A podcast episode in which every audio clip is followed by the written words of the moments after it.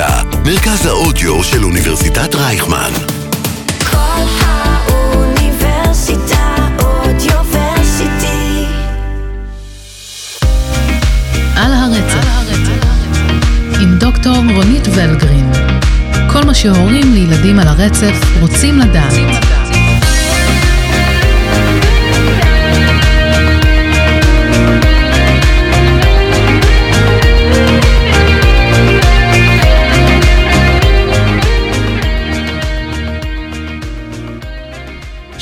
ותודה שהצטרפתם אלינו, לכל האוניברסיטה, מרכז האודיו של אוניברסיטת רייכמן. אנחנו ממשיכות בעונה השנייה של פודקאסט על הרצף עם דוקטור רונית ולגרין. אני ענת גרינבלום, והיום, אחרי ההפסקה הארוכה שעשינו, אנחנו נדבר על אחת הסוגיות שעלתה בקבוצת הפייסבוק על הרצף, שיחות על אוטיזם, סוגיית התפקוד הגבוה. כאימא לילד על הרצף האוטיסטי, אני יכולה לומר שעם קבלת אבחנת האוטיזם, כמובן, חרב עליי עולמי. וכשהבנתי שהחורבן לא באמת חורבן, אז התוודעתי לכך שיש רמות תפקוד שונות, ולכל אחת מהן אפשר לומר גורל קצת אחר. כל איש מקצוע יאמר באופן חד וברור שאי אפשר לדעת לאיזו רמת תפקוד יגיע הילד שאובחן, ומי שאובחן בתפקוד נמוך, בגיל צעיר, לרוב יתקדם ויגיע לתפקוד בינוני וגם גבוה, והכי חשוב לזכור זה איזה כיף שהאהבה של ההורים לילדים לא משתנה. לא משתנה. אבל זה בהחלט Game Changer משמעותי, שמשפיע על הרבה מאוד בחירות וגם התאמות של המציאות. אז בפרק הזה שיעסוק ברמת תפקוד, נסביר למה הכוונה ברמת התפקוד, איך אנשי המקצוע משקללים אותה, איזו מסגרת מתאימה למי שמוגדר או מוגדרת בתפקוד גבוה, ומה זה אומר על ההתמודדות עם המציאות והחיים לצד האוטיזם. אחרי הפתיח הארוך, היי רונית. שלום ענת. מה שלומך? מצוין. טוב, בואי ניגש לעניינים, בואי נתחיל.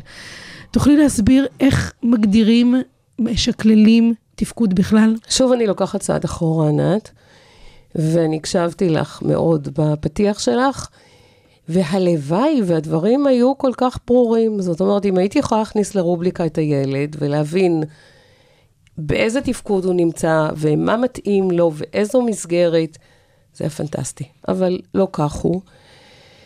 כל עניין התפקוד הוא מאוד מורכב. המון פעמים בקבוצות הורים אני רואה את השאלה, איך בעצם אני יודעת באיזה תפקוד הילד שלי? כן, מה, מה הפרמטרים? כי גם אני רואה שלמשל ורבליות היא בכלל לא, לא פרמטר. אז תראי, אני, אני חושבת שככל שתשאלי, בוא נגיד אחרת, כמספר האנשים שתשאלי, כך מספר הדעות והמחשבות וההחלטות לגבי תפקוד. אין לנו... אין איזשהו קונצנזוס? אין לנו קונצנזוס לגבי תפקוד. כיוון שאני מתחככת עם לא מעט אנשי מקצוע, אני יכולה להגיד לך ככה. יש אנשים שמחלקים את הילדים לתפקוד לפי יכולת קוגניטיבית. הילדים עם היכולת הקוגניטיבית הנמוכה, הילדים עם היכולת הקוגניטיבית הבינונית, והילדים עם היכולת הקוגניטיבית התקינה ומעלה.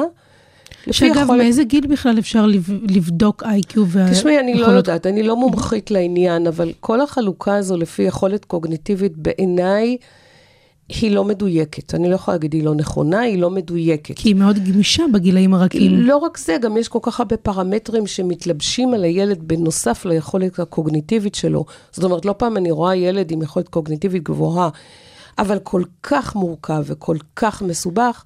ב- בואי ש... נגיד אפילו באוטיזם, אנחנו יודעים שאם הילד מוצף, הוא לא פנוי עכשיו... זה הרבה מעבר למוצף, זאת אומרת, אם הילד, בואי, מאוד אוטיסט, ויש לו יכולת קוגניטיבית גבוהה, עדיין הקשיים שלו הם עצומים. איזה תפקוד הוא נמצא? גבוה? אני, אני מתקשה להגיד שהוא בתפקוד גבוה. אז לפני שהדלקנו את המיקרופונים, אמרת לי, ככה הזכרת לי ודייקת, שבסופו של דבר אוטיזם הוא קודם כל לקות תקשורתית. זאת אומרת, אז לפי היכולות התקשורתיות, אנחנו כן אמורים לקבוע את רמת או, התפקוד? עכשיו, אה, אמרנו שחלק מהאנשים עושים את החלוקה הזו לפי יכולת קוגניטיבית. חלק מהאנשים, אנשי מקצוע, כן, עושים mm-hmm. את החלוקה הזו לפי... חומרת התסמינים האוטיז, האוטיסטיים שיושבים על הכתפיים של הילד. זאת אומרת, חומרת האוטיזם, אנחנו כבר למדנו, יודעים, מכירים שאוטיזם זה ספקטרום. כן, וסל, אומרת, וסל של מורכבויות ואתגרים. סל של מורכבויות אז וקשיים למשל בעיות, ואתגרים. בעיות שינה, למשל אה, גרייה, צורך בגרייה. צורך בגרייה, אקולליה, אה, אה, ויסות חושי, אה, כל, ה, כל היכולת ל, ל, ל, לדב, ללמוד שפה, לרכוש שפה, ורבליזציה, כל הקשיים האוטיסטיים שיושבים על הילד. זאת אומרת, יש אנשים שמחלקים תפקוד נמוך, בינוני, גבוה, לפי חומרת האוטיזם שיושבת על הכתפיים של הילד. זה אגב לא מונח רשמי, כלומר אף אחד באופן רשמי אה, לא אומר להורים באיזה תפקוד הילד נמצא, כן מציינים באבחון מה רמת העזרה שהוא זקוק לה. כלומר, אם הוא מוגדר, אה, נדמה לי אם אני לא טועה זה 1, 2, 3, אם הוא נכון. מוגדר ברמה, במספר הגבוה, כלומר הוא זקוק ליותר עזרה. זה לאו דווקא... זה מתייחסים לזה כדרגה. זאת אומרת, דרגה 1, דרגה 2 ודרגה 3, שנקבעת על פי כמות הסיוע שהילד נזקק לו כדי לתפקד. אבל אה, אני ראיתי לא פעם אבחונים שכתוב, הילד בתפקוד נמוך. תפקוד, לא דרגה ולא כלום, תפקוד. או הילד בתפקוד גבוה, ואז ההורים אומרים, מה זה אומר? והאמת, יד על הלב, אני לא יודעת להגיד להם מה זה אומר. רגע, חכי, חכי, יש לנו עוד הרבה שאלות עד שנגיע לעיקר. רגע. אוקיי, אז שנייה, שנייה.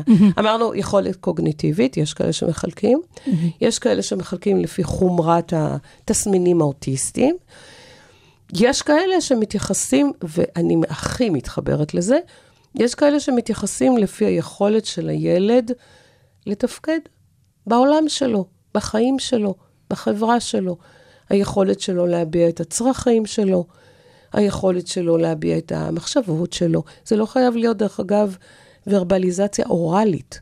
זה לא בהכרח לדבר. אבל היכולת שלו כן למצוא את המקום שלו ב... בעולם החברתי, נו, מה לעשות, העולם שלנו הוא עולם חברתי. בעולם החברתי שהוא נמצא, יש כאלה שעל זה, בזה נאחזים כדי להגיד הילד בתפקוד נמוך, בינוני, גבוה. מה שאני רוצה להגיד, שורה תחתונה, שאין קונצנזוס בקטע של התפקוד. כן יש הגדרות של, שוב, הגדרה, המילה הגדרה היא לא נכונה. כן יש, פתאום את רואה אבחון שכתוב, הילד בתפקוד נמוך. אני תמיד יושבת מול האבחון הזה עם סימן שאלה, לאיך אותו מאבחן החליט שהילד בתפקוד נמוך, מה גרם לו לכתוב את העניין של תפקוד נמוך, האם היכולת הקוגניטיבית, האם תסמיני האוטיזם, או האם היכולת של הילד להתארגן זה לא בסביבה מפורט? שלו. זה לא, תמיד. מפור... לא מנומק ולא תמיד? לא תמיד, לא תמיד. לא תמיד. הבנתי. אז הורים ששומעים אותנו עכשיו וקיבלו הגדרה של תפקוד נמוך, לכו, חפשו אולי עוד איש מקצוע, או תרימו טלפון למי שכתב לכם את האבחון, לגמרי, ו- תשאלו, ותשאלו, תשאלו. תשאלו על סמך מה, מה הם הפרמטרים נכון. שהביאו להבחנה הזאת. נכון, נכון. אני חושבת שגם חשוב אולי להגיד שמחקרים מראים, אה, מחקרים יותר עכשוויים כמובן, שאבחון מוקדם מביא לתוצאות טובות יותר. ואני חושבת שהכוונה בתוצאות הטובות יותר הן הכוונה, הן הכוונה לתוצאות תפקוד יותר טובות. כלומר, זה גורם לי להסיק, ותגידי לי אם אני טועה, אוקיי. שמי שמאובחן היום לצורך העניין, שהוא בתפקוד נמוך והוא בגילאים הרכים, נניח פעוט, כן, שנה וחצי, שנתיים, שלוש, בגיל 7-8 יכול להיות בתפקוד בינוני ואף גבוה, כי הוא למעשה הולך למסגרת מותאמת, ו... אבחון מוקדם, לא האבחון המוקדם גורם לתוצאות טובות יותר. ככל שאנחנו נקדים לתת לילד את מה שהוא צריך בקטע החינוכי ובקטע הטיפולי, הילד יתקדם מהר יותר וטוב יותר. והתקדם זה אומר שהוא עשוי לנוע בין רמות התפקוד, כלומר, כלפי כן, מעלה. כן, כלומר, כן, כן. אפשר לראות שמי שהיום מוגדר כילד קטן בתפקוד נמוך, יש, אה, יש אפשרות מאוד סבירה שעם ההתקדמות הוא יוגדר כתפקוד בינוני וגבוה. אנחנו לא יודעים נכון, לקבוע את זה כמובן נכון, בוודאות. נכון, ויותר מזה. כשהורה מגיע אליי עם ילד בן שנתיים, ש... ואומר לי, אה, הוא אובחן כתפקוד נמוך, אני אומרת לו, hold it. הילד הוא בוסר. הוא עוד לא התחיל לעבוד, הוא לא התחיל להיות מטופל, הוא לא, הוא, יש מצב שהוא לא במסגרת החינוכית שמתאימה לו. אתם עוד לא קיבלתם הדרכה של מה התפקיד שלכם בכוח, איך, איך יוצרים בשבילו סביבה שמאפשרת התפתחות. אנחנו ב, ב, ב, על קו האפס, עוד לא התחלנו את, ה, את המרתון שלנו בכלל. בואו, נתחיל לעבוד, שנה, שנתיים, אינטנסיבי, מקצועי, טוב, נשב עוד פעם לאותה שיחה בדיוק, בעוד שנה ובעוד שנתיים ובעוד שלוש, כן, יש סיכוי טוב שילד יהיה במקום אחר לגמרי, בוודאי, בשביל זה אנחנו עובדים.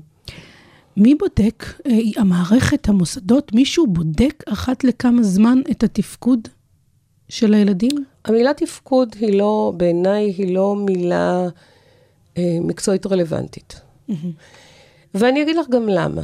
כי אני ראיתי, את יודעת, אני, יש לפעמים, את נכנסת, ל, כשאת יושבת, ב, אני יושבת בלא מעט קבוצות הורים כאיש מקצוע.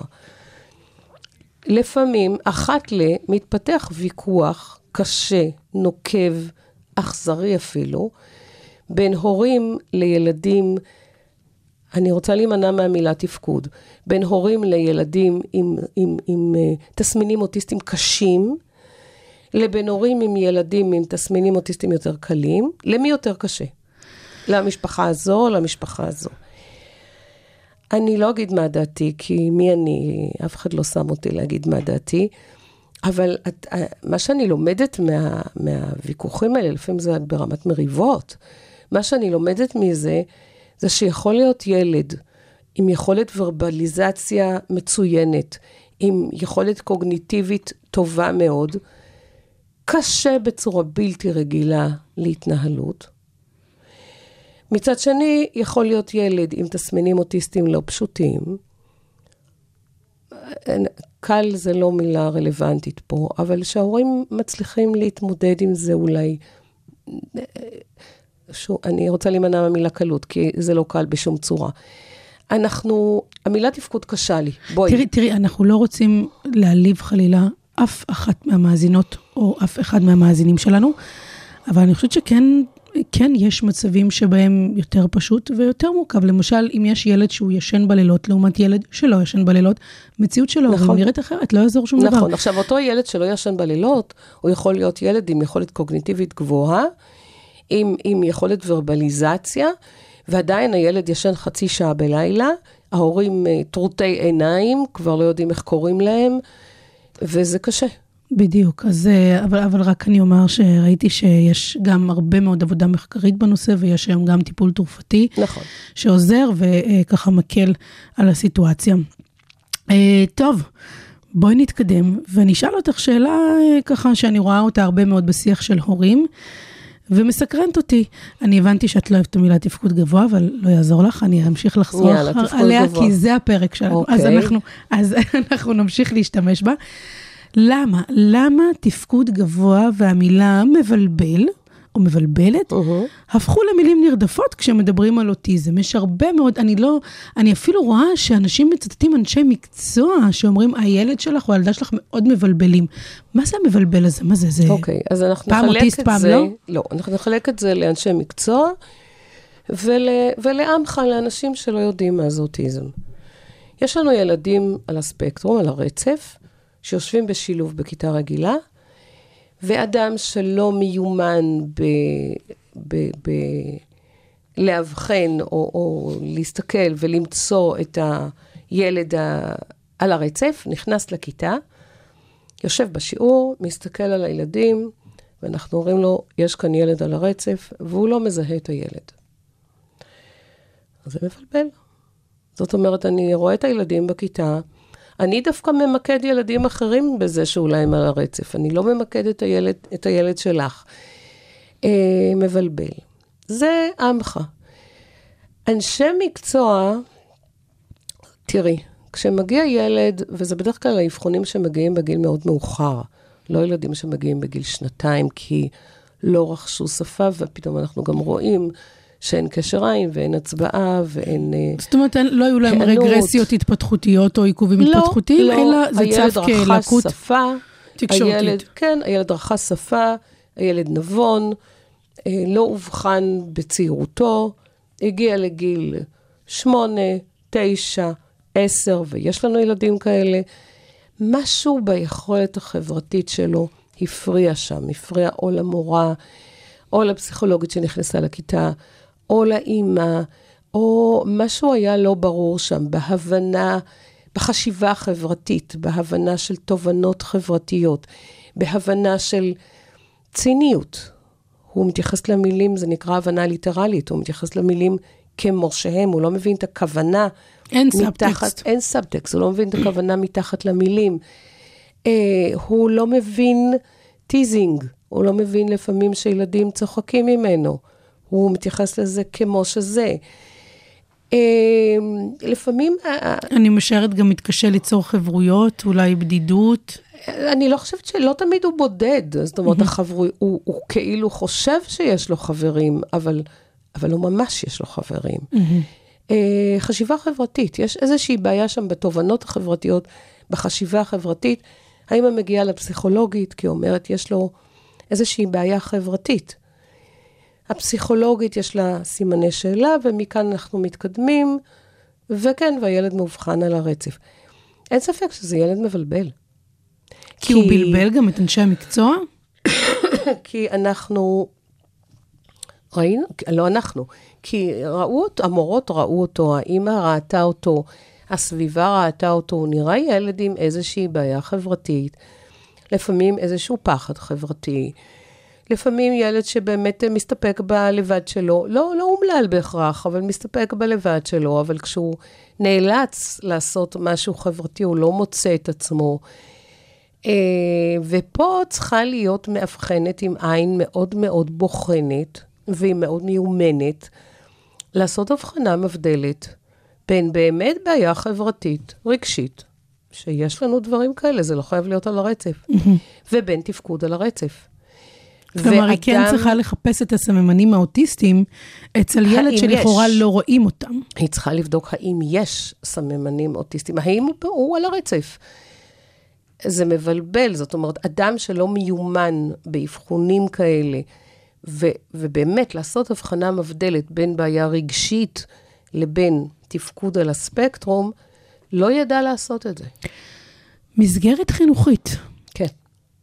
ברגע שיש תפקוד גבוה, מה קורה? מה קורה? האם, האם זה אומר אוטומטית, אוקיי, הילד אה, נשאר במסגרת חינוכית אה, רגילה, עובר למסגרת חינוכית מיוחדת? שוב, אנחנו בתפקודים גבוהים, כמו שאת אומרת, הילד הגיע לגיל שמונה או עשר לצורך העניין, אולי אפילו קצת יותר מאוחר, ורק עכשיו הוא אובחן, אז הוא בעצם צלח לא מעט שנים במסגרת רגילה. מה, מה, מה, מה את אומרת? מה צריך לקרות? אני חוזרת לעניין הזה של הדברים מאוד לא חד משמעיים ומאוד תלויי ילד. ברמת עיקרון, ילד עם יכולת קוגניטיבית גבוהה וורבליזציה תקינה ויכולת למידה, אנחנו אומרים אין בעיה שישב בכיתה רגילה, נכון? אבל אנחנו חייבים להסתכל על המקום הרגשי שלו. ולא פעם אני רואה, לא, זה לא לא פעם, מפעם לפעם אני רואה ילדים, נאמר, ילד בן שמונה, שנמצא בחברה רגילה, בסביבה רגילה, בכיתה רגילה, אה, מסתדר אקדמית, אומלל, אומלל חברתית, אומלל. אז בעצם מה שיוכלו להציע לו לצורך העניין זה נניח סייעת, כן? מה- שהיא לא בהכרח תעזור לו מה חברתית. שאפשר, כן, מה שאפשר להציע לו זה סייעת שהוא לא בהכרח צריך אותה, אוקיי? ואני כן נתקלתי בילדים כאלה, לא הרבה, אבל כן נתקלתי פה ושם בילדים כאלה, שבסופו של דבר העבירו אותם למסגרת מיוחדת. בגלל הקושי הרגשי, הבעיה ביכולת חברתית, הילד הגיע למצב שהוא הוא, הוא לא רצה ללכת לבית ספר, התחרותיות הרגה אותו, הוא לא התמודד, הוא לא רצה ללכת לבית ספר. בית ספר לא ידע להכיל אותו, בואי, אנחנו לא, לא מנקים מאשמה פה אף אחד, זה לא... הילד לא חי בריק, על, רק על בסיס היכולות שלו והקשיים שלו. הוא חי בסביבה שחייבת להבין טוב, באמת להבין איפה הקשיים שלו, מה אנחנו כחברה צריכים לתת לו כמסגרת מכילה, איך אנחנו מרימים אותו, איך אנחנו תומכים בו, איך אנחנו... וזה לא תמיד עובד. לא תמיד בית ספר יודע, לא תמיד בית ספר רוצה. אה, תשמעי, בואי נהיה הכי כנות, אנחנו מדברות רק שתינו, אף אחד לא שומע.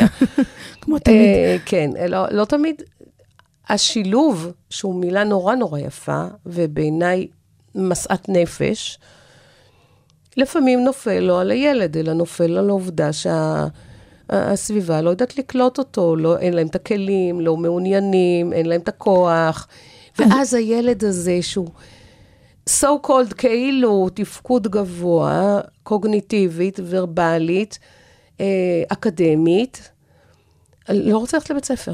ואז מה, לאן, מה האופציות שלו? זה או כיתה קטנה, כמו שדיברנו, כיתת תקשורת, נכון. או אפילו בתי ספר מיוחדים, ממש קורה שבגילאים האלה הילדים לא מועברים. הייתי מכניסה אותו לבית ספר לאוטיסטים, כי שוב, אנחנו מסתכלים על הקהל מסביב, בית ספר לאוטיסטים לא יתאים לילד כזה בעיניי, אבל כן, יש ילדים כאלה שעוברים לכיתה קטנה, כיתה תקשורת. מתחילים כיתה לפרוח. קטנה, והם... אה, תראי, אני, אני קלינאי תקשורת, אז אני תמיד נורא דואגת שבכיתה קטנה לא יהיה לו עם מי לדבר, לא יהיה לו עם מי לתקשר, לא יהיה לו עם מי... אבל uh, פתאום אני רואה שהילד הזה, דווקא הילד הזה ספציפית, במקום הרבה יותר מוגן, הרבה יותר קטן, הרבה יותר מעריך את היכולות שלו, הרבה פחות תחרותי, פתאום מחויך יותר.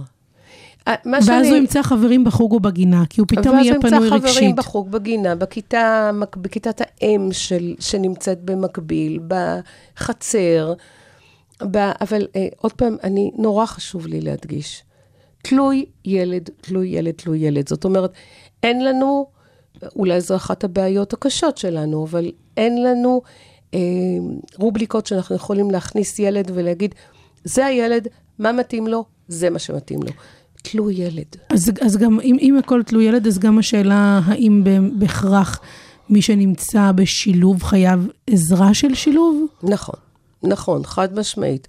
אז אה, בואי כדי לסגור את הנושא הקודם, אני אוהבת שילוב. אני אוהבת שילוב, אני מאמינה בשילוב, אני, זה משאת נפש בשבילי שילוב. אה, אם השילוב נעשה טוב ונכון, הילד יפרח, גם אם הוא תפקוד לא גבוה, דרך אגב. שילוב, אה, אני רוצה לנפץ כאן איזשהו מיתוס. שילוב לא בהכרח מתאים לילד בתפקוד גבוה. שילוב לא בהכרח מתאים רק לילד שמדבר. נורא חשוב להבין, כי לפעמים ילד לא מדבר, אבל מבין, מבין שפה.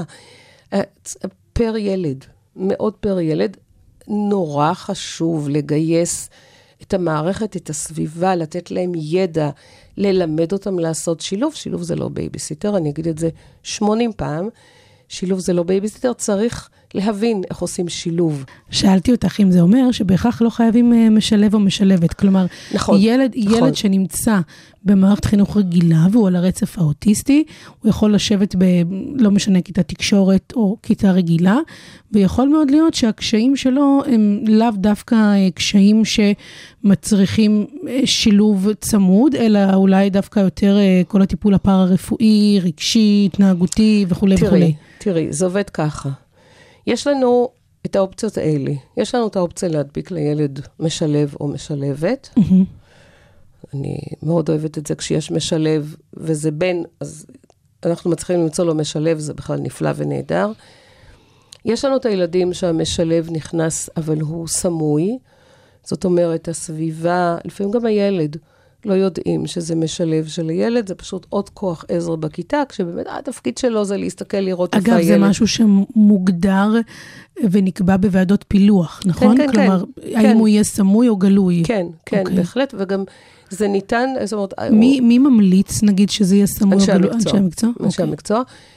אה, הוא נמצא בכיתה, הוא מסתכל על הילד, הוא נכנס לעזרה כשהילד צריך אותו, אה, וכן, יש ילדים שלא צריכים משלב, אבל אני הייתי חושבת טוב טוב לפני שהייתי משל... מוותרת על הזכות הזאת של משלב.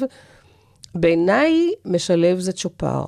זאת אומרת, אם אנחנו מסתכלים על כיתה עמוסה לעייפה, 35 ילדים, 32, 30, הרבה ילדים בכיתה. בלי סוף סיטואציות חברתיות. בלי סוף סיטואציות חברתיות, מורה שעסוקה עם הילד לקוי הלמידה, עם הבעיה הרגשית, שהוא קצת מגמגם, עם הבעיה של התארגנות מילולית, עם קשב וריכוז, וגם יש לה את הילד שלנו, היא לא יכולה להקדיש לו יותר מדי, ועם תוכנית הלימודים שחייבת לעמוד בה. אז אה, מבוגר שנמצא לגונן עליו, לתווך לו שם, זה פנטסטי. פנטסטי. עכשיו, גם. אם הילד, זה חשוב להבין, גם אם הילד מסתדר אקדמית, עדיין, אני כבר ראיתי סיטואציות של משלב, אני רואה מול העיניים את הבחור, אה, יוצא עם הילד להפסקה, זה הבחור, לא בחורה, יוצא עם הילד להפסקה, ועוזר לו בקטעים שקשה לו, במשחק כדורגל, שזה משחק נורא נורא קשה לילדים על הרצף. במשחקים החברתיים שבחצר, שם הוא עוזר לו, בדיוק שם הוא עוזר לו, זה נכס. לא לוותר כל כך בקלות על משלב, כן, לשבת, ישיבה מסודרת, להגדיר למשלב בדיוק מה התפקיד שלו בנוגע לילד הספציפי שאתה נכנס לעזור לו. אם אנחנו לוקחים את כל סל הפרמטרים שדיברנו עליהם אה, בהתחלה, שעל סמך אותם הפרמטרים אנחנו יכולים באמת אה, להגיד מה התפקוד, בסופו של דבר אני חושבת שאנחנו מבינות שזה בדרך כלל מישהו שמאובחן בגילאים קצת יותר מתקדמים, או התקדם יפה מאוד מגיל את קטן. מדברת על תפקוד גבוה. כן, כן, תפקוד אוקיי. גבוה כמובן. בסופו של דבר, אלו ילדים שיכולים לתקשר. וזה אומר, כמובן במסגרת האילוצים והמגבלות שלהם. אבל הם יכולים לתקשר. כשילד יכול לתקשר, הוא יכול להבין שהוא שונה. הוא יכול להבין שמשהו אצלו אחר, הרי פתאום הוא נשלף בגיל שמונה או עשר לצורך העניין, או לפני, או, או שהוא מקבל פתאום איש שעוזר לו, או שפתאום אה, הוא ככה מתחיל אה, אה, להבין שהוא נלקח לכל מיני אבחונים וצריך להסביר לו, וההורים מקבלים את ההבחנה. צריך להסביר לו? צריך לשתף את הילד? להגיד מה נכנסים- מצאנו אצלו? נכנסים לשאלה מאוד קשה שבעיניי מצריכה פגישת פודקאסט שלמה, אבל אנחנו כן ניתן ככה ספוילר. האם לספר לילד שהוא על הרצף. האוטיסטי? ואת שאלת אותי על ילדים שאובחנו בגיל מאוחר, שלא גדלים עם זה, שבגיל 8-10 פתאום אובחנו על הרצף האוטיסטי, האם לספר לו? אני מכירה מישהי מאוד קרובה אליי, יש לה ילדה, לדעתי עכשיו היא בכיתה ה' הבת שלה, הילדה מאובחנת, אה, היא לא יודעת.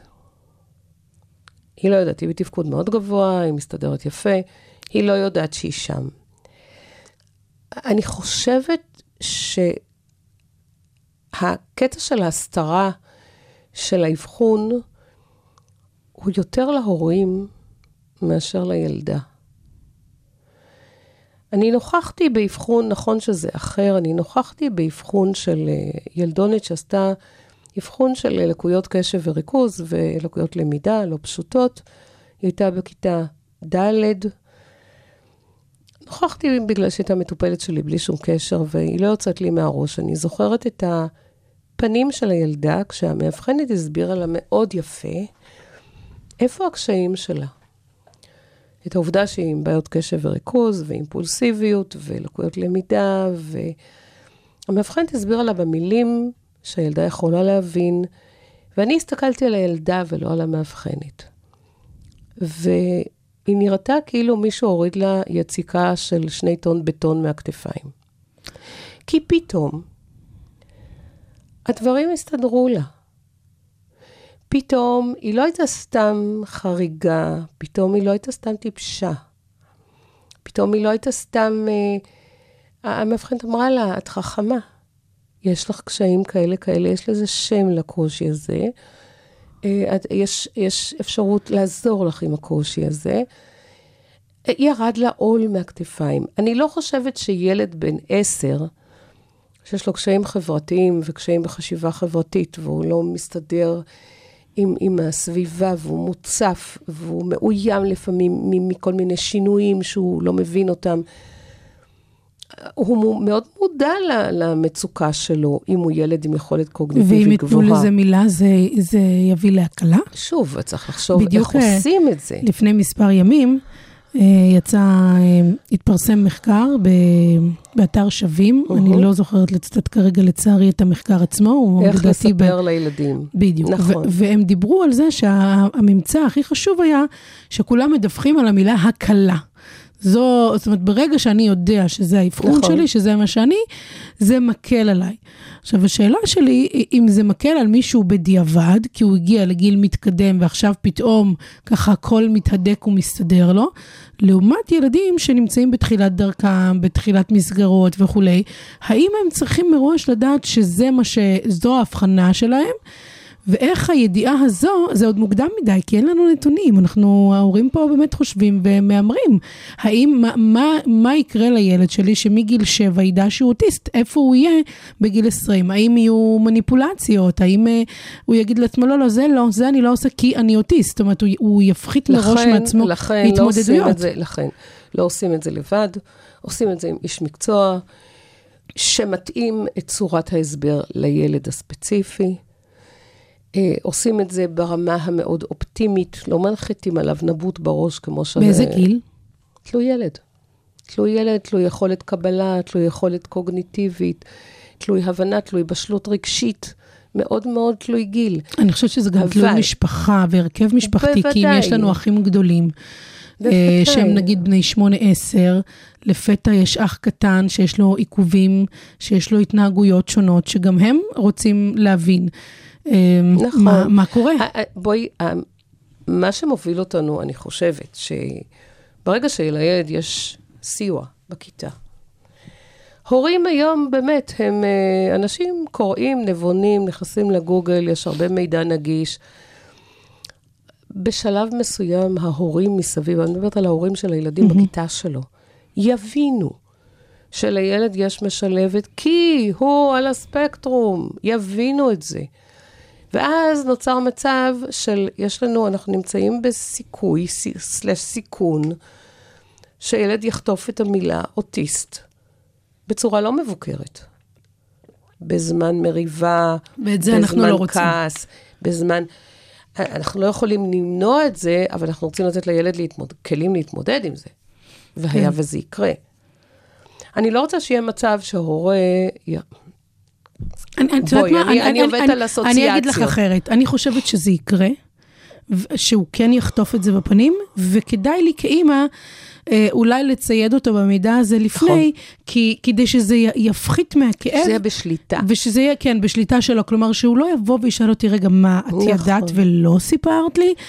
כי אני חושבת שגם אה, ילדים... אה, אה, מתבטאים, אומרים, מדברים בחופשיות, גם ילד מכוער ישמע שהוא מכוער, והוא יבוא וישאל את אימא, האם אני באמת מכוער? תראי, אני, אני הרי בן אדם של אסוציאציות, אז אני זוכרת שכשאני הייתי בבית ספר היסודי, לפני הרבה מאוד שנים, מאה, לא, מאתיים- לא מאה- נגלה כמה, זה לא מאה, משנה. 200 שנה, אה, הייתה ילדונת איתי בכיתה, שכולנו ידענו שהיא מאומצת. היא לא ידעה. כולנו ידענו שהיא מאומצת.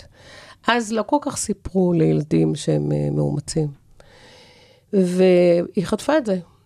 יום בהיר אחד היא חטפה את זה, הייתה בכיתה ד' או ה', היא חטפה את זה בפרצוף, היא הלכה הביתה, היא אמרה לה, הציבה בפני ההורים את השאלה, ההורים לא ידעו מה לעשות עם התשובה הזאת, לא ידעו להתמודד, אה, היא נכנסה לדיכאון.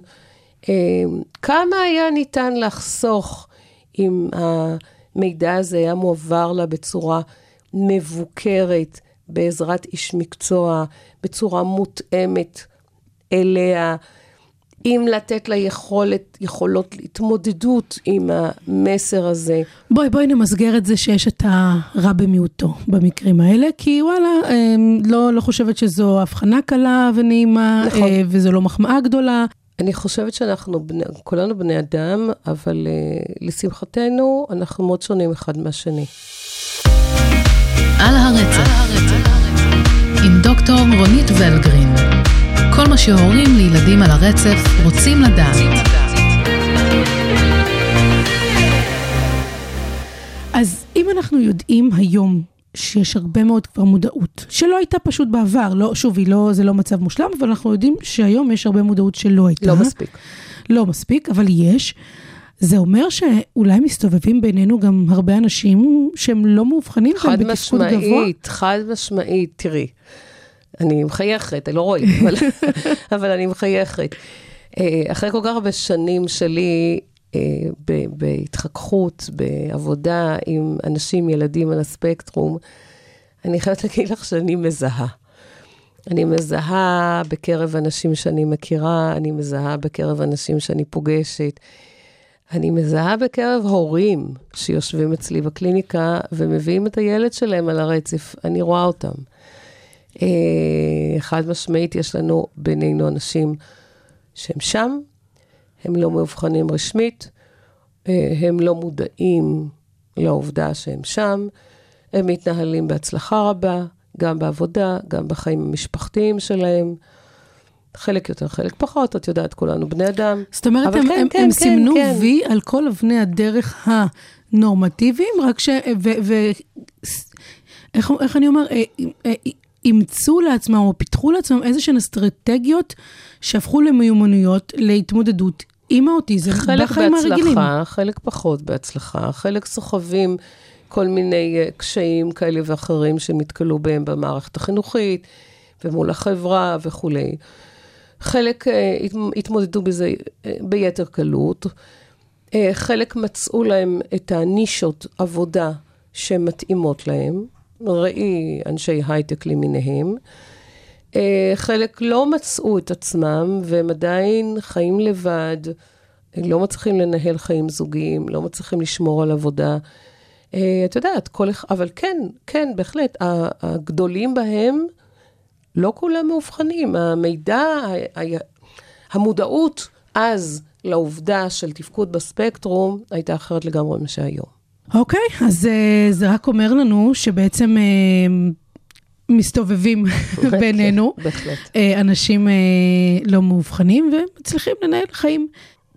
כשמגיעים אלייך לקליניקה ילדים, נגיד, שעדיין לא אובחנו, וההורים אה, חוששים כי יש אולי איזשהו עיכוב שפתי, או אוקיי. צורך בסיוע של קלינאית, ואת כבר מזהה שזה, שזה רצף. כמובן, את כבר יודעת שמדובר בתפקוד גבוה. את אומרת את זה להורים? המנדט לעשות את האבחון לא ניתן לקלינאיות תקשורת. אני חושבת שאמרנו את זה באחת נכון, השיחות נכון. הראשונות, הוא או אבל לפסיכיאטר או כמי לנאורולוג. שעוסקת בזה כל אבל- כך הרבה שנים, כן. ומזהה. נכון, אבל כמי שעוסקת בזה כל כך הרבה שנים ומזהה, גם אם אני מזהה סימני שאלה, והדברים לא לגמרי ברורים לי, ואני חושבת שכדאי שההורים ימשיכו באבחון מסודר, אני אומרת. אני לא אומרת להם, תקשיבו, הילד שלכם על הספקטרום. שוב, כי אני צריך לעשות אבחון כן. מסודר בשביל זה, אבל אני בהחלט אומרת, אני רואה קשיי תקשורת, אני ממליצה ללכת לה- להמשיך את האבחון, אם אתם רוצים המלצות על מאבחן, אני נותנת. אה, כשהם מנסים להבין מה זה אומר קשיי תקשורת, יש, יש בעיה, כי אה, אצל קלינאיות תקשורת, כשאומרים קשיי תקשורת, זה ברור שזה עשוי להיות על הרצף האוטיסטי. כשאומרים להורים קשיי תקשורת מבחינתם, חלק מההורים מבינים שהוא לא אומר את השין כמו שצריך. אז כיוון שאני יודעת, מכירה כבר, אני אומרת את הדברים ברחל בתך הקטנה, אני אומרת, תשמעו, כשאנחנו מדברים על קשיי תקשורת, מדובר על הספקטרום האוטיסטי. אני יודעת שהמבט המזועזע בעיניים יגיע מהר מאוד, אבל אני מרגישה שזו חובתי המקצועית להגיד להם, אני ממליצה, כיוון שאני לא עושה אבחונים להבחנה מבדלת, אני ממליצה על המשך אבחון מסודר אצל פסיכיאטר או נוירולוג שעוסק בזה. כשהם שואלים אותי למה בעצם, אז אני מסבירה למה בעצם, אני מסבירה מה מטריד אותי. סך הכל ההורים מביאים את הילד אליי כדי שאני אגיד להם מה אני רואה ומה דעתי, אז א- אין לי מה להחזיק את הדברים בבטן. זאת אומרת, השקיפות חייבת להיות אה, ברורה לחלוטין. אני, מה שאני רואה, ההורים הם הראשונים שיודעים. כלומר, אנשי מקצוע הם אנשי מקצוע, ואנחנו פה אומרות, תקשיבו, תקשיבו לאנשי מקצוע, לא במקרה הגעתם אליהם אם מישהו מתעורר בו החשד, זה רק לטובתכם. תיגשו למי שיכול לתת לכם את המידע האמין והנכון. אז נכון להיום, אני שוב חוזרת רגע למציאות שלנו במסגרות החינוכיות, אין הבחנה בין רמות התפקוד השונות. כלומר, בגן תקשורת או בכיתת תקשורת, יכולים לשבת ילדים ברמות תפקוד שונות. נכון. את חושבת שזה נכון שכך יישאר? עבור התפקוד הגבוה, כי בכך אנחנו עוסקים בפרק הזה. שאלה לא פשוטה, אני יודעת. שאלה לא פשוטה, כי עוד פעם קשה לי עם, ה... עם החלוקה לתפקוד. אני, אז, אז, אז אני מנסה, אני אנסה לדקדק במה שאני אומרת. אני רוצה שכשילד נכנס לגן תקשורת, יהיו לו, בואי נצא מנקודת הנחה שיש שמונה ילדים בגן, יהיו לו לפחות שניים, שלושה ילדים שהם ורבלית כמוהו ומעלה, תקשורתית כמוהו ומעלה. זאת אומרת, אני רוצה שהילד שלנו, אבל אם שלנו הוא הגבוה, tough luck, אני, עם מי הוא יתקשר? עם מי הוא ידבר? זאת אומרת, הגן, הגן מאוד מתעשר מעצם העובדה שהוא נמצא, כי הוא מודל לשאר הילדים, אבל אני רוצה שיהיה אולי- מישהו שימשוך אותו למעלה. אולי מה שצריך להיות זה שלמשל, צריכה להיות איזושהי שקיפות, לא ברמת השמות, אבל ברמה, נניח, תראי, בתחילת שנה, אם הגן ריק, הגננת לא יכולה לדעת מי יגיע לגן שלה. אבל אם אנחנו מדברים על ילד שצריך להיכנס לגן, למשל, אבל לא כשהוא... הגננת, לא הגננת היא זו שמחליטה איזה ילד הולך לאיזה גן. אנחנו מדברים על מחלקת החינוך. הבנתי. במקרה הזה מחלקת חינוך מיוחד. הם כן עושים את החלוקה לגנים, ושוב, למיטב... אבל לא ברמות אה, תפקוד, הם עושים את זה מוניציפלי, גיאוגרפי. שמונה ילדים בגן, הילד עבר ועדת השמה, מתאים לגן תקשורת, הולך לגן. עבר ועדת השמה, מתאים לגן תקשורת, הולך לגן. ואני תמיד אומרת להורים, אה, אני יודעת שזה בעייתי ויש חיסיון ולא ידברו איתכם, אבל אני מסתכלת על הילד של... לי חשוב הילד שלכם. אני רוצה שאם הוא נכנס לגן תקשורת, מעבר לפסיליטיז שהוא מקבל בגן תקשורת, שיהיו שם שניים, שלושה ילדים כמוהו ומעלה. אחרת, עם מי, עם מי, הילד צריך חברים, הוא ילד על הספקטרום, אנחנו רוצים ללמד אותו ליזום, להיענות ליוזמה, ליצור אינטראקציה. אם כל הילדים נמוכים ממנו, מה? מה עשינו? איך, נניח שהיה מתאפשר ליצור כיתה או גן, שבאמת כן מחולקים לפי רמות תפקוד, והיינו רואים כיתה שלמה, או גן, שמונה, תשעה ילדים, רק אה, בתפקוד גבוה. איך זה היה נראה? מה היינו רואים? היינו רואים כמו גן רגיל? ממש לא, כך? היינו רואים ילדים עם קשיים אולי ורבליים קצת, עם קשיים תקשורתיים, כי הם ילדים על הספקטרום. אה, אבל אה, אבל משחקים, מדברים אחד עם השני. את יודעת, שוב, אנחנו עושים הכללות לא נכונות, כי אני, קשה לי עם המילה תפקוד, אבל שוב, אם נפרוט את זה ל, ליכולת ורבלית, ליכולת קוגניטיבית, ליכולת תקשורתית, כן, אני רוצה שתהיה קצת הומוגניות בקטע של הילדים, כדי שתהיה אינטראקציה בין אחד לשני. כשילד עם יכולת ורבלית ועם יכולת תקשורתית מסוימת פוגש את הילד שלא מדבר ולא מתקשר, הוא לא קנדידט לאינטראקציה איתו. יש לנו איזושהי בעיה בקטע הזה. כן, את יודעת, מסתכלים על גן תקשורת כגן עם הכי הרבה, אה, מתוקצב הכי הרבה, קלינאי תקשורת בגן, אה, לפעמים מנחה התנהגותית בגן, מנחה DIR בגן, ריפוי בעיסוק בגן, תרפיה רגשית בגן, גננת שסיימה מסלול של חינוך מיוחד.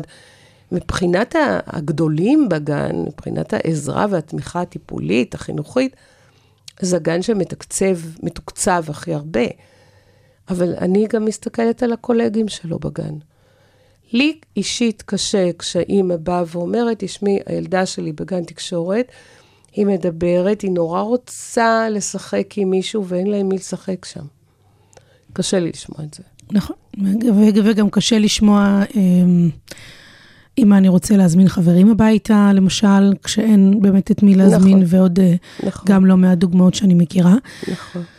את יודעת, זה, אולי זו אחת הסיבות שילדים, אנחנו לא רוצים להגיד תפקוד גבוה, אבל זה שם הפרק. ילדים שמתפקדים בצורה סבירה, מוצאים את מקומם לרוב בחינוך רגיל. אני חושבת, ואת בדיוק מביאה אותי לנקודה שאני רוצה לומר, שהפתרון האידיאלי אולי עבור הורים לילדים שמקומם, המק... שאין להם באמת מקום שמותאם למידותיהם באופן מדויק, הפתרון האידיאלי יכול היה להיות שאם מערכת החינוך, לאור האבחונים שהולכים ומתרבים באופן סיסטמטי בשנים האחרונות, אנחנו מדברים על אחת מתוך 60, 58. 58, זאת אומרת, שכל גננת שמנהלת גן מחויבת בקורסי הכשרה, מחויבת, לא שאלה של בחירה, רצון, בחירה להשתלמות, לא, חובה. היא לא תהפוך להיות גננת לחינוך מיוחד, אבל היא חייבת לעבור איזושהי השתלמות. היא חייבת לדעת מעבר, לא רק מה שלמשל המתיה בעיר שלה תגיע ותנחה אותה אחת לכמה זמן ספציפית לילד מסוים. wishful כן, thinking. אבל, אבל אני חושבת שלאור לאור האבחונים הרבים ולאור הכוח הגדול שיש אה, אה, לגופים כמו אלו"ט, יכול להיות שיש מקום ל- להיאבק על כך שכל גננת בישראל שמנהלת גן תהיה מחויבת אחת ל-X זמן לעבור השתלמות אך ורק בנושא האוטיזם, כי הגן שלה יכול לשלב ילד כזה. ענת, אני הולכת אפילו אה, לפני לשלב. בזמנו, כשעוד לימדתי, לימדתי אה, מסלול של חינוך לגיל הרך. לא חינוך מיוחד. גם חינוך מיוחד, אבל במקרה הזה מסלול לחינוך לגיל הרך. זאת אומרת, מי שישב שם זה גננות ומורות של כיתה א'. אה, קורס באוטיזם. עכשיו, המטרה שלי, השאיפה שלי, שגננת כזו, בוא נלך על גננת שיושבת ב, במסגרת פרטית, גן פרטי. יש לה ילד לא ברור, עם קשיים. אני לא מבקשת ממנה להיות מאבחנת, אבל אני כן מאוד אעריך את זה שהגננת תשלח את האימא לאבחון מסודר. להתפתחות הילד, שתרים לה דגל הילד. אדום. בדיוק, שתרים לה דגל את אדום. אומרת שיש לנו הרבה מקרים שלא מאובחנים בגלל, ש... בגלל החוסר המודעות, זאת אומרת שאפשר היה להתחיל לטפל הרבה לפני. אני חושבת שהיה אפשר להתחיל לטפל הרבה לפני. לפעמים מגיעים ילדים כי האימא החליטה להביא, לאבחון אליי, כי האימא החליטה להביא את הילד, ואני אומרת לאימא, לאם, מה הגננת אומרת? ואומרת לי, הגננת לא אומרת כלום. אני שאלתי אותו, היא אומרת לי, לא רואה שום הוא, בעיה. הוא ילד מאוד נוח, הוא לוקח מכונית, הוא הוא- משחק הוא איתה שעה. שלמה. בדיוק. הוא לא מפריע אני- לי בכלל. אז אני, עוד פעם, אנחנו יושבים כאן על הצורך. להנגיש ידע. כן, לא, אני, אני, אני, אני חוזרת רק אה, באמת ל-wishful thinking שלי, ואני חושבת ש, אה, שזה גם משהו שבכוח אלקטורלי מספק, זה גם יכול באמת אה, להפוך להיות לחלק הלוואי. מהמציאות שלנו. הלוואי. כי עם כזאת כמות גדולה, אנחנו מבינים שסטטיסטית יושבים בכל קבוצת גן רגילה לפחות ילד אחד אה, מאובחן או לא מאובחן, ורצוי שהגננות תדענה לשלב, זה הכל. לא, נכון. לא ביקשנו יותר מדי. בואי, גם בגילאים הרכים, חשוב לומר שהשילוב הוא... הוא הוא שונה, מה, שח... מה שיותר משחק תפקיד זה הסיוע הפארה-רפואי בגילאים האלה, כי זה מאוד מקדם, כי נוצרת איזושהי השאלה שונות. באיזה גילאים, כי בגיל שנתיים, אבל- אבל בג- בגילאי האינטראקציה גנים- המשחקית של הילדים, לא, אני מדברת על גילאי, על גילאי גן חינוך חמש. עירוני. שלוש, ארבע, חמש. אה, לפ... אני רוצה טרום, כבר... טרום, טרום וחובה. אלו גנים שצר... שהגננת בהם בהחלט יכולה נכון. אה, ללמוד, נכון. להשתלם, לדעת איך לשלב ילד נכון, בגן שלה. נכון. זהו, כאן זה שני השקלים שלי. טוב, אנחנו אה, מגיעות לפני רואה, סיום. זה ההבדל, זה ההבדל בין הדור שלך והדור שלי. את נותנת שני שקלים, אני נותנת שני גרוש. ככה זה עובד. אה, לפינה שלנו, הפינה שהתחלנו בעונה הזו, הורים כן. שואלים. הפעם קיבלנו, אה, טוב, קודם כל בוא, צריך לגלות שאנחנו מקבלות הרבה שאלות וגם הרבה פידבקים חמים, וזה כיף מאוד לדעת שאנחנו עושות את הדבר, אה, אה, את הדבר הטוב הזה, כן, אפשר להגיד, לא מילה גסה. אבל הפעם אנחנו מקבלות שאלה על מעורבות הורית. הורה ששואל, האם אני יכול לעבוד כהורה, משל, כמשלב, בגן, אה, בחינוך רגיל, שהבת שלי נמצאת בו? האם זאת אופציה? אני יכולה להגיד- אני- אני- לענות בקיצור? כן. לא. אני אגיד, בוא, בוא, תראי, אני רוצה לומר, לא קיבלנו מידע אני נוסף אסביר. כמו, לא קיבלנו מידע נוסף כמו נגיד, האם השאלה נובעת מזה שיש חוסר ב... כן, או כן, אני חוסר אסביר, יכולת למצוא? אני אסביר, אני אסביר. יש, אני חושבת שצריכה להיות הפרדה מאוד ברורה בין תפקידנו כהורים לבין תפקידנו כאנשי מקצוע. זאת אומרת, הורה, הוא צריך לסנגר על הילד. צריך להיות העורך דין הכי טוב שלו, מול הילדים האחרים, מול הדמויות המפתח במערכת החינוך, מול הגננת, מול המורים.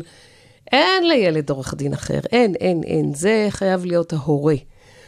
הורה צריך לחבק את הילד, הורה צריך לעטוף את הילד, הורה צריך להיות אמפתי לילד. אני חושבת שזה המקום שלנו כהורים, החיבוק הזה זה המקום שלנו כהורים. כשאנחנו מתחילים לערבב את התפקיד המקצועי וה... וההורי שלנו, יש לנו קצת בעיה. גם מול הילד, אני חושבת שגם הילד מתבלבל. מול רגע, הילד. מה, עכשיו בבית היית ניגש אליי הילד. ורץ לחבק אותי, ועכשיו פה בגן אתה מבין שאסור, אז אתה לא. עושה את זה? ו- ו- ולא רק אתה, אני, זו, זו אימא שלי. אז אני אלך אליה ואני אתבכיין אצלה, ואני אדבר איתה, ואני אתלונן אצלה, ו- ובסדר. ומניפולציות, וזה בסדר. וזאת אימא שלי, והכול בסדר. אני... אנשי חינוך זה דמויות שמקבעות לעצמן מקום אחר לגמרי מול הילד. לא סתם, כשילדים מגיעים אליי לטיפול, לא פעם האימהות אומרות, איך הוא מתפקד איתך כל כך מדהים ואני לא מצליחה לעשות איתו כלום בבית? כי אני אוטוריטה. כי אני אוטוריטה, וגם ילד בני שנתיים שנכנס, ילד בן שנתיים, שרגיל בבית להיות all over, נוגע בכל, משמיד הכל, מוציא הכל, נכנס לחדר שלי שהוא מלא מלא גירויים, ויושב ליד השולחן, וראיתי אותך אומרת לו, תשב פה לידי, וזהו, והוא פשוט הוא יושב. והוא. יושב, והאימא מסתכלת, והילד יושב את ה-40 דקות, ומתפקד, ומחייך, ומשתף פעולה, ולא קם, ולא מתלונן כשהוא רוצה משחק ואני לא נותנת לו, כי עכשיו עושים משהו אחר, אז בסדר, אז עושים משהו אחר, כשאימא אומרת, חשבתי שהוא ירים לך פה את הכיסא. מקום אחר, תפקיד אחר, וטוב שכך. טוב שכך. אני זוכרת, הוא יהרוג אותי שאני מספרת, אבל אני מספרת. אחד הילדים שלי, כשהיה צעיר, היה לו שיבוש היגוי. ואני ניסיתי לשפץ לו, כי אני קלינאי תקשורת, לא? אז ניסיתי לשפץ לו את העניין הזה, ו... ולא צלח, הוא פשוט העמיד אותי במקום הראוי בדיוק של, את לא תגידי לי, מה שילדים בקליניקה לא עשו אף פעם, ושלחתי אותו לחברה, קלינאי תקשורת, וזה הלך נהדר. צריך להבין את מקומנו כהורים ולשמר את המקום שלנו כהורים. כהורים אין. אנשי מקצוע יש המון, אפשר להחליף אני, אנשי אני מקצוע. אגיד לך מה מבלבל, אני יכולה להבין את השאלה הזו, כי מה שמבלבל בה זה שאנחנו יודעים מה לעשות. משלב או משלבת הם לא באמת אנשי מקצוע. הם אני- אנשי מקצוע לכל דבר, זה בדיוק הטעות של מערכת החינוך. בעיניי, משלבת כי היא היום אשת כשאת מקצוע. הולכת, רונית, ומקבלת אה, אה, משלב או משלבת מטעם אה, אה, רשות מקומית, הרבה פעמים הבדיחה הרווחת היא שיש לה בחורה דופק. היא לא עברה... היא, זה היא, נורא ואיום. ענת, זו זה המציאות. נורא ואיום. אבל זו המציאות. היא לא מישהי בהכרח, אה, אם, אם מצאנו סטודנטית שהיא גם פנויה במקרה, והיא לומדת את התחום, וואו, איזה אושר. אם מצאנו מישהי שיש לה המון ניסיון בתחום, ניסיון, אני חוזרת, לא הכשרה בהכרח, אלא ניסיון, אז איזה אושר. אבל הרבה מאוד פעמים מדובר בנשים שיכול להיות שיש להן הרבה רצון טוב, נכון. לב חם, אנרגטיות, המון דברים שהגדרנו. אבל הן לא באמת אה, למדו חינוך מיוחד, הן לא אקדמאיות. נכון. אוקיי? ולא, זאת אומרת, אז, אז בגלל זה אנחנו כהורים באמת נמצאים פה באיזשהו מב- מבוי סתום, שאנחנו אומרים, רגע, איש מקצוע, אבל מה המקצוע? אז איזה מקצוע? מה? אז, אז קשה קצת עם ההגדרה שזה מקצוע. יש לה תפקיד, שהתפקיד שלה הוא לשלב, זה מה שהיא אמורה לעשות. אני חושבת שזה לא, את יודעת, יכולה להיות אשת, יכולה להיות אימא, בואי, שהיא קלינאי תקשורת, או שהיא מורה לגיל הרך, או שהיא גננת בעצמה. אשת מקצוע, שאומרת, אני יודעת מה עושים בשילוב, אני טובה בנושא הזה, אני, למה שאני לא אכנס לשלב? כי את אימא שלו, וטוב שכך. זהו, אז, אז, אז, אז, אז אני מבינה, אני אומרת, אני, אני יכולה להבין בהחלט את הצד ההורי הזה שמאבד אמון במערכת, אה, ויש תסכול, והוא רוצה את הכי טוב לילד שלו, אבל נכון. אני. מאוד מתחברת אלייך ואומרת, עדיין, ה, ה, ה, שוב, הרע במיעוטו, מה לעשות? הרע במיעוטו הוא כן לאפשר לאדם, שגם אם הוא נראה לך כאדם, שוואלה, הוא לא, לא עבר הכשרה מספקת, אבל עדיף שהוא יהיה שם במקום הזה, ואתה כהורה תישאר ותעשה את התפקידים חושבת ש- האחרים שאתה אימא יש רק צריך אחת. לעשות. כן. אנשי מקצוע יש, אימא יש רק אחת. בואי, נש- נשמור את המקום הזה של אימא, אימא זה כל כך חשוב, נשמור את זה. על הרצף, עם דוקטור רונית ולגרין. כל מה שהורים לילדים על הרצף רוצים לדעת.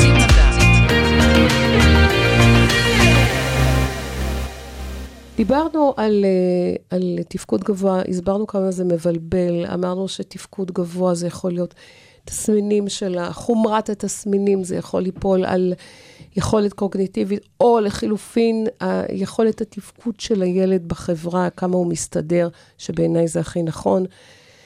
אה, אני חייבת להדגיש, יש קשיים לא פשוטים גם כשהילד בתפקוד גבוה. מידע, מידע להורים שספציפי לילד שלכם תמיד יתמוך ביכולת שלכם להתמודדות.